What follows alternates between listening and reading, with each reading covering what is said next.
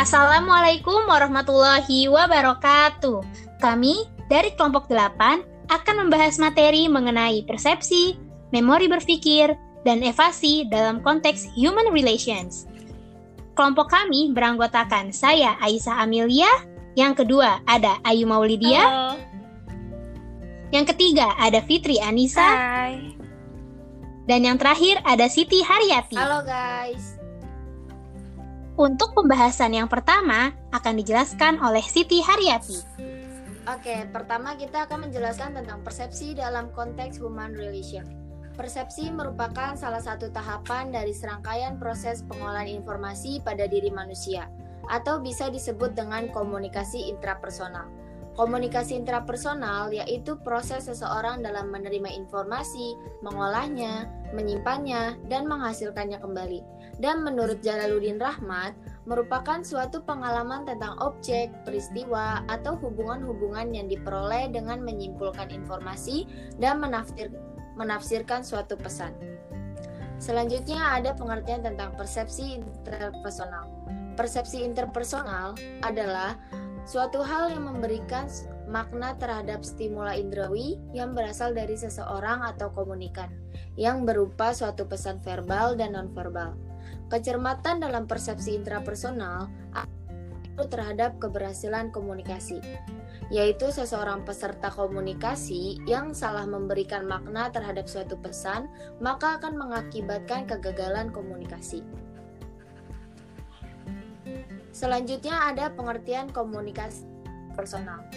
Komunikasi antara pribadi atau interpersonal communication merupakan sebuah komunikasi antara orang-orang secara tatap muka yang memungkinkan setiap pesertanya menangkap sebuah reaksi orang lain secara langsung, baik verbal maupun nonverbal.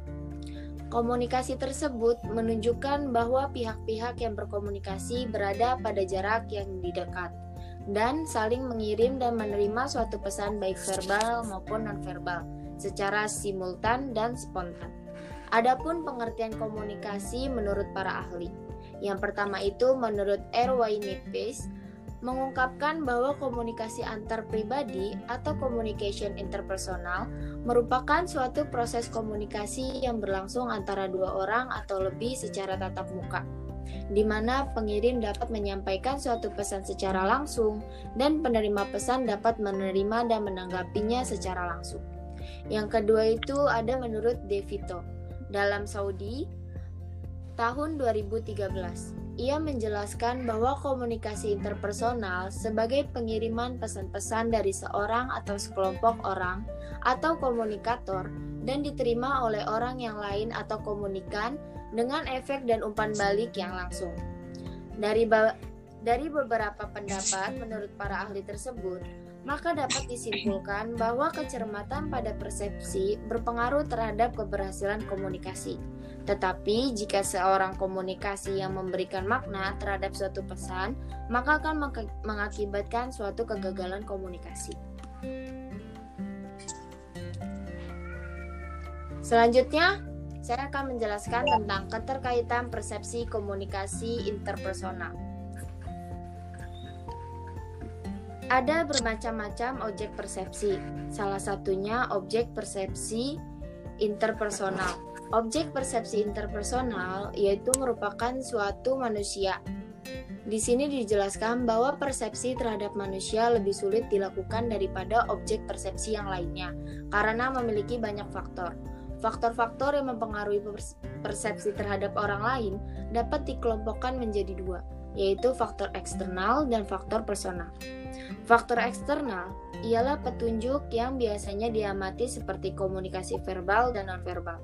Sedangkan faktor personal ialah karakteristik dari orang yang membentuk suatu respon pada stimulasi persepsi seperti pengalaman, motivasi, dan kepribadian. Adapun komunikasi intrapribadi atau interpersonal yang penggunaan bahasanya terjadi di dalam diri komunikator itu sendiri. Maka, komunikasi intrapersonal merupakan keterlibatan internal secara aktif dari individu dalam pemrosesan simbolik dari pesan-pesan yang sudah ada.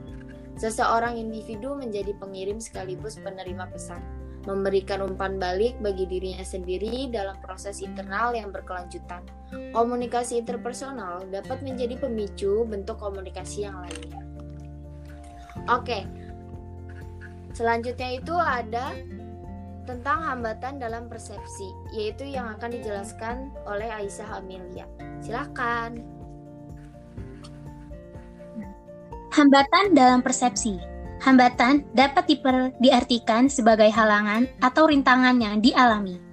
Di dalam setiap kegiatan komunikasi, sudah dapat dipastikan akan menghadapi berbagai hambatan, Hambatan dalam kegiatan komunikasi yang mana pun tentu akan mempengaruhi efektivitas proses komunikasi tersebut. Meskipun komunikasi efektif dapat ditunjang oleh berbagai kesamaan, tapi ada masalah-masalah yang berpotensi menjadi penghalang komunikasi efektif. Nah, persepsi dalam konteks komunikasi ini terdapat banyak hambatan. Antara lain, yang pertama adalah hambatan psikologis. disebut sebagai hambatan psikologis karena hambatan-hambatan tersebut merupakan unsur-unsur dari kegiatan psikis manusia. Dalam hambatan psikologis terjadi eh terbagi menjadi beberapa unsur, yaitu yang pertama ada prasangka. David Craig dan Richard menyebutkan prasangka dapat dilihat dari dua sudut, yaitu faktor fungsional dan faktor struktural. Faktor fungsional antara lain adalah kebutuhan, pengalaman masa lalu, peran, dan status. Jadi, yang menentukan persepsi bukan jenis atau bentuk stimulus, tetapi karakteristik orang yang memberikan respon pada stimulus itu. Nah, sedangkan faktor situasional atau struktur yang menentukan persepsi berasal semata-mata dari sifat stimulus secara fisik. Nah, prasangka ini sering kali tidak didasarkan pada alasan-alasan yang objektif, sehingga Prasangka komunikan pada komunikator tidak ditujukan pada logis dan tidaknya suatu pesan atau manfaat pesan itu bagi dirinya, melainkan menentang pribadi komunikator. Jadi, untuk mengatasi hambatan komunikasi yang berupa prasangka itu, komunikator yang akan menyampaikan melalui media massa sebaiknya adalah komunikator yang netral, dalam arti ia bukan orang yang kontroversial. Selanjutnya adalah stereotip. Prasangka sosial bergandengan dengan stereotip yang merupakan gambaran atau tanggapan tertentu mengenai sifat-sifat dan watak pribadi orang atau golongan lain yang bercorak negatif. Stereotip mengenai orang lain itu sudah terbentuk pada orang yang berprasangka, meski sesungguhnya orang yang berprasangka itu belum bergaul dengan orang yang diprasangkainya. Selanjutnya adalah motivasi.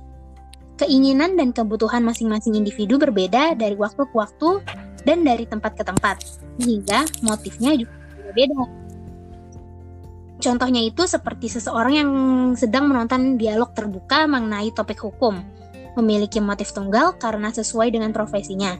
Penonton yang lainnya memiliki motif bergabung, yakni menambah wawasan dan pengisi waktu luang, atau mungkin ada juga penonton lainnya yang menonton acara tersebut hanya karena tidak bisa tidur. Selanjutnya adalah hambatan sosiokultural. Hambatan ini juga terbagi menjadi beberapa jenis, yaitu yang pertama adalah bahasa. Keragaman etnik telah menyebabkan keragaman bahasa yang digunakan dalam pergaulan sehari-hari. Bahasa Indonesia merupakan bahasa nasional yang selalu kita ucapkan pada saat memperingati Sumpah Pemuda. Dan kita tidak dapat menutup mata akan kenyataan yang ada, yakni masih adanya masyarakat Indonesia, terutama di daerah terpencil yang belum bisa berbahasa Indonesia. Nah, dalam komunikasi, peran bahasa sangat penting karena bahasa merupakan salah satu alat verbal yang digunakan dalam berkomunikasi. Bila dalam suatu komunikasi ada kesalahpahaman yang terjadi yang disebabkan oleh bahasa itu, maka akan terjadi hambatan dalam komunikasi.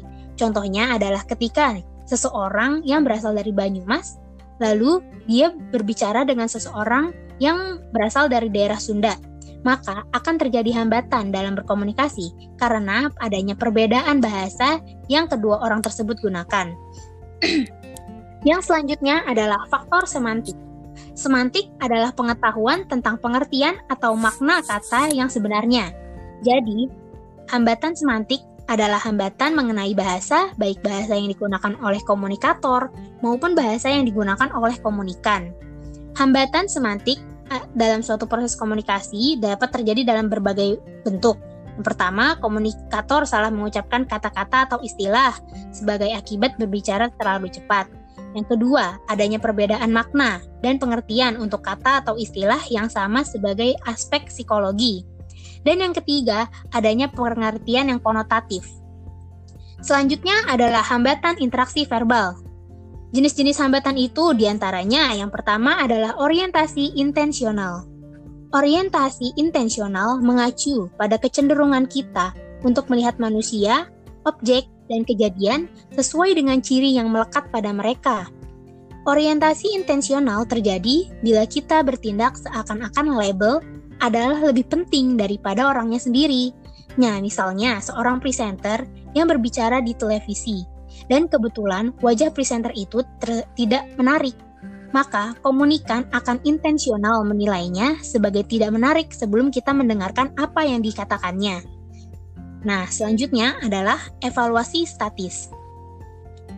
Maksudnya adalah nih, pada suatu hari nih, kita melihat komunikator X berbicara di televisi. Menurut persepsi kita, cara berkomunikasi dan materi komunikasi yang dikemukakan komunikator tersebut tidak baik, sehingga kita membuat abstraksi tentang komunikator itu pun tidak baik. Evaluasi kita tentang komunikator X bersifat statis tetap, seperti itu, dan tidak berubah. Akibatnya, mungkin selamanya kita tidak mau menonton atau mendengar komunikator X berbicara. Nah, selanjutnya adalah pembenaran persepsi. Beberapa prinsip yang menjadi pembenaran atas perbedaan persepsi sosial ini adalah sebagai berikut. Yang pertama adalah persepsi berdasarkan pengalaman.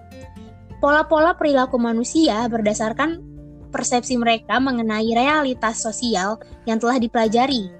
Persepsi manusia terhadap seseorang, objek, ke atau kejadian dan reaksi mereka terhadap hal-hal itu berdasarkan pengalaman di masa lalunya.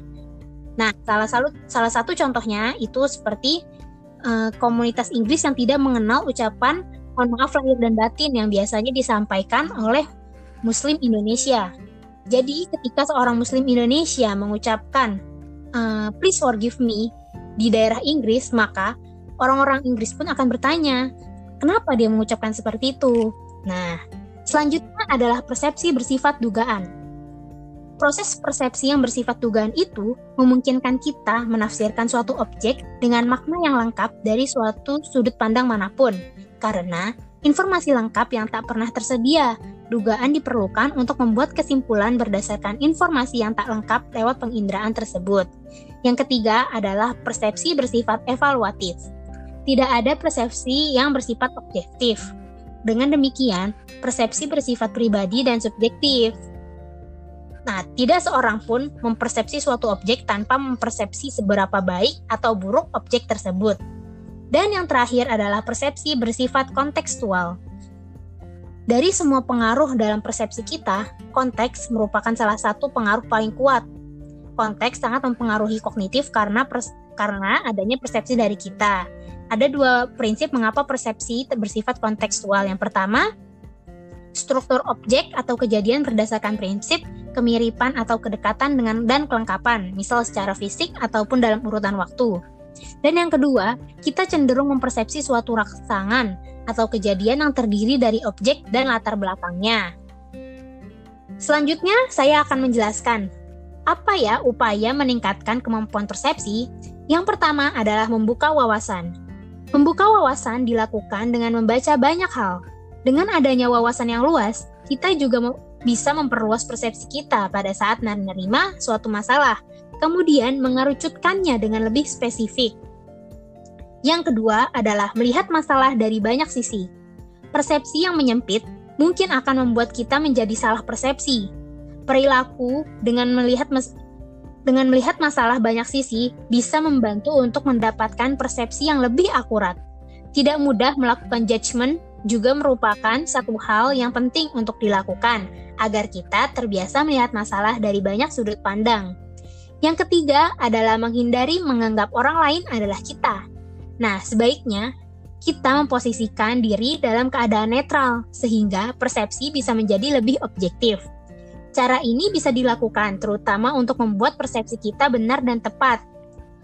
Selanjutnya adalah menghindari isi, menghindari membaca isi pikiran orang lain. Persepsi yang akurat juga bisa dilakukan dengan menghindari membaca isi pikiran orang lain.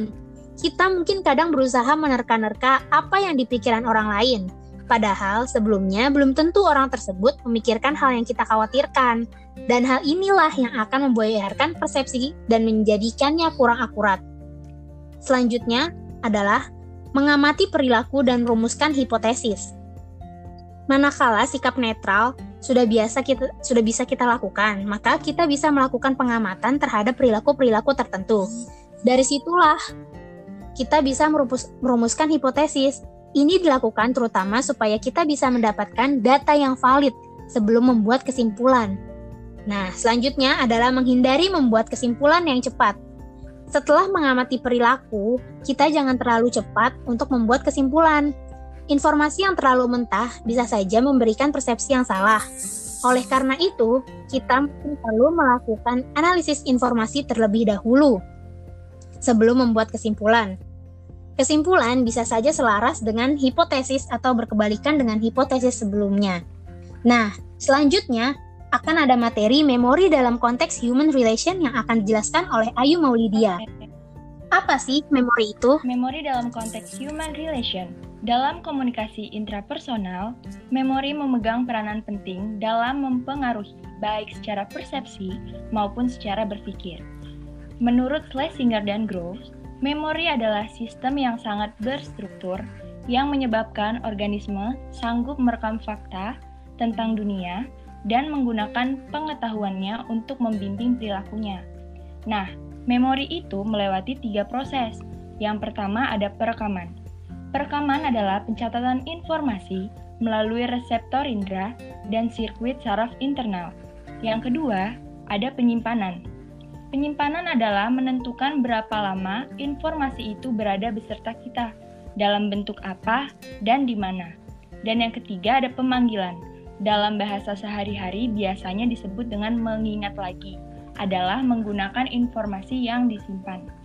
Jenis-jenis memori itu ternyata ada empat, yang pertama ada pengingatan atau recall, merupakan proses aktif untuk menghasilkan kembali fakta dan informasi secara verbatim, kata demi kata, tanpa petunjuk yang jelas. Yang kedua, ada pengenalan atau recognition. Ini agak sukar untuk mengingat kembali sejumlah fakta, lebih mudah untuk mengenalnya. Yang ketiga ada belajar lagi atau yang biasa disebut relearning menguasai kembali pelajaran yang sudah kita peroleh, termasuk pekerjaan memori. Dan yang terakhir ada redintegrasi, merekonstruksi seluruh masa lalu dari satu petunjuk memori kecil. Selanjutnya ada berpikir dalam konteks human relation. Dalam berpikir, kita melihat semua proses yang kita sebut sebagai sensasi, persepsi, dan memori berpikir kita lakukan untuk memahami realitas dalam rangka mengambil keputusan atau decision making, memecahkan persoalan, problem solving, dan menghasilkan yang baru. Creativity Ada dua macam dalam berpikir. Yang pertama, berpikir autistik. Berpikir autistik itu dengan cara melamun, berfantasi, menghayal, dan wishful thinking. Dengan berpikir autistik, orang melarikan diri dari kenyataan dan melihat hidup secara garis-garis fantastik. Yang kedua, ada berpikir realistik. Disebut juga nalar, ialah berpikir dalam rangka menyesuaikan diri dengan dunia. Fungsi berpikir ada dua. Yang pertama untuk menetapkan keputusan atau decision making, dan yang kedua memecahkan persoalan, problem solving. Selanjutnya akan dijelaskan oleh Fitri Anissa. Oke. Fitri Anissa akan menjelaskan tentang proses berpikir sebagai dasar human relation. Gimana sih cara berpikir sebagai human relation yang harmonis dan evasi serta hambatan apa saja yang terjadi human relation itu seperti apa ya? Oke, eh, saya akan menjelaskan proses berpikir sebagai dasar human relation yang harmonis. Nah, menurut James C. Collitman, Constant L. Heyman adalah hacking which produces new methods, new concept, new understanding, new innovation, new work of art. Nah, jadi berpikir itu harus memenuhi tiga syarat.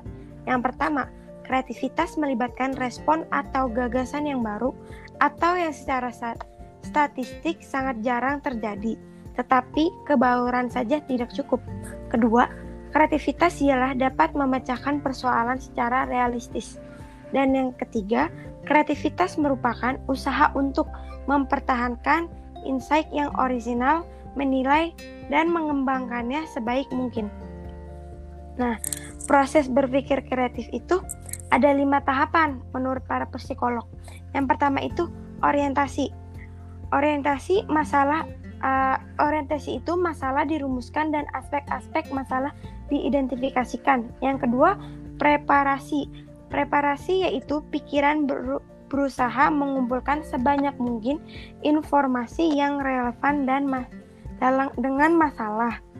Dan yang ketiga, inkubasi. Pikiran beristirahat sebentar. Ketika berbagai pemecahan berhadapan dengan jalan buntu pada tahap ini, proses pemecahan masalah berlangsung terus dalam jiwa bawah sadar kita. Yang keempat, iluminasi. Masa inkubasi berakhir ketika pemikiran memperoleh semacam ilham. Serangkaian insight yang memecahkan masalah ini menimbulkan aha erlebnis. Dan yang ketiga, eh yang kelima, verifikasi, yaitu tahap terakhir untuk menguji dan secara kritis menilai pemecahan masalah yang diajukan pada tahap keempat. Nah, dan yang terakhir itu ada evasi dan hambatan human relation. Apa, Apa sih evasi dan hambatan human relation itu? Apa tuh? Nah, hambatan human relation uh, pada umumnya mempunyai dua sifat, objektif dan subjektif.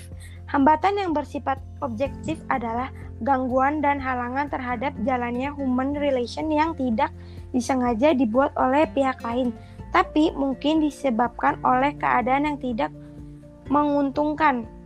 Rintangan atau hambatan yang bersifat, bersifat objektif ini mungkin pula disebabkan oleh kurangnya kemampuan berkomunikasi antara komunikator dan komunikan. Approach yang menyajikan yang kurang baik, timing yang tidak cocok, penggunaan media yang keliru, dan sebagainya. Hambatan yang bersifat subjektif ialah yang sengaja dibuat oleh orang lain, sehingga merupakan gangguan penetapan terhadap suatu usaha komunikasi. Dasar gangguan dan penentangan ini disebabkan oleh adanya tentangan kepentingan, produce, tamak, iri hati, appetite, dan sebagainya. Nah, itu yang dinamakan evasi dan hambatan human relation. Wow. Oke. Terima kasih teman-teman.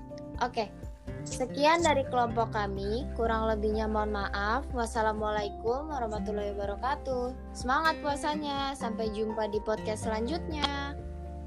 Bye. Dadah. Bye.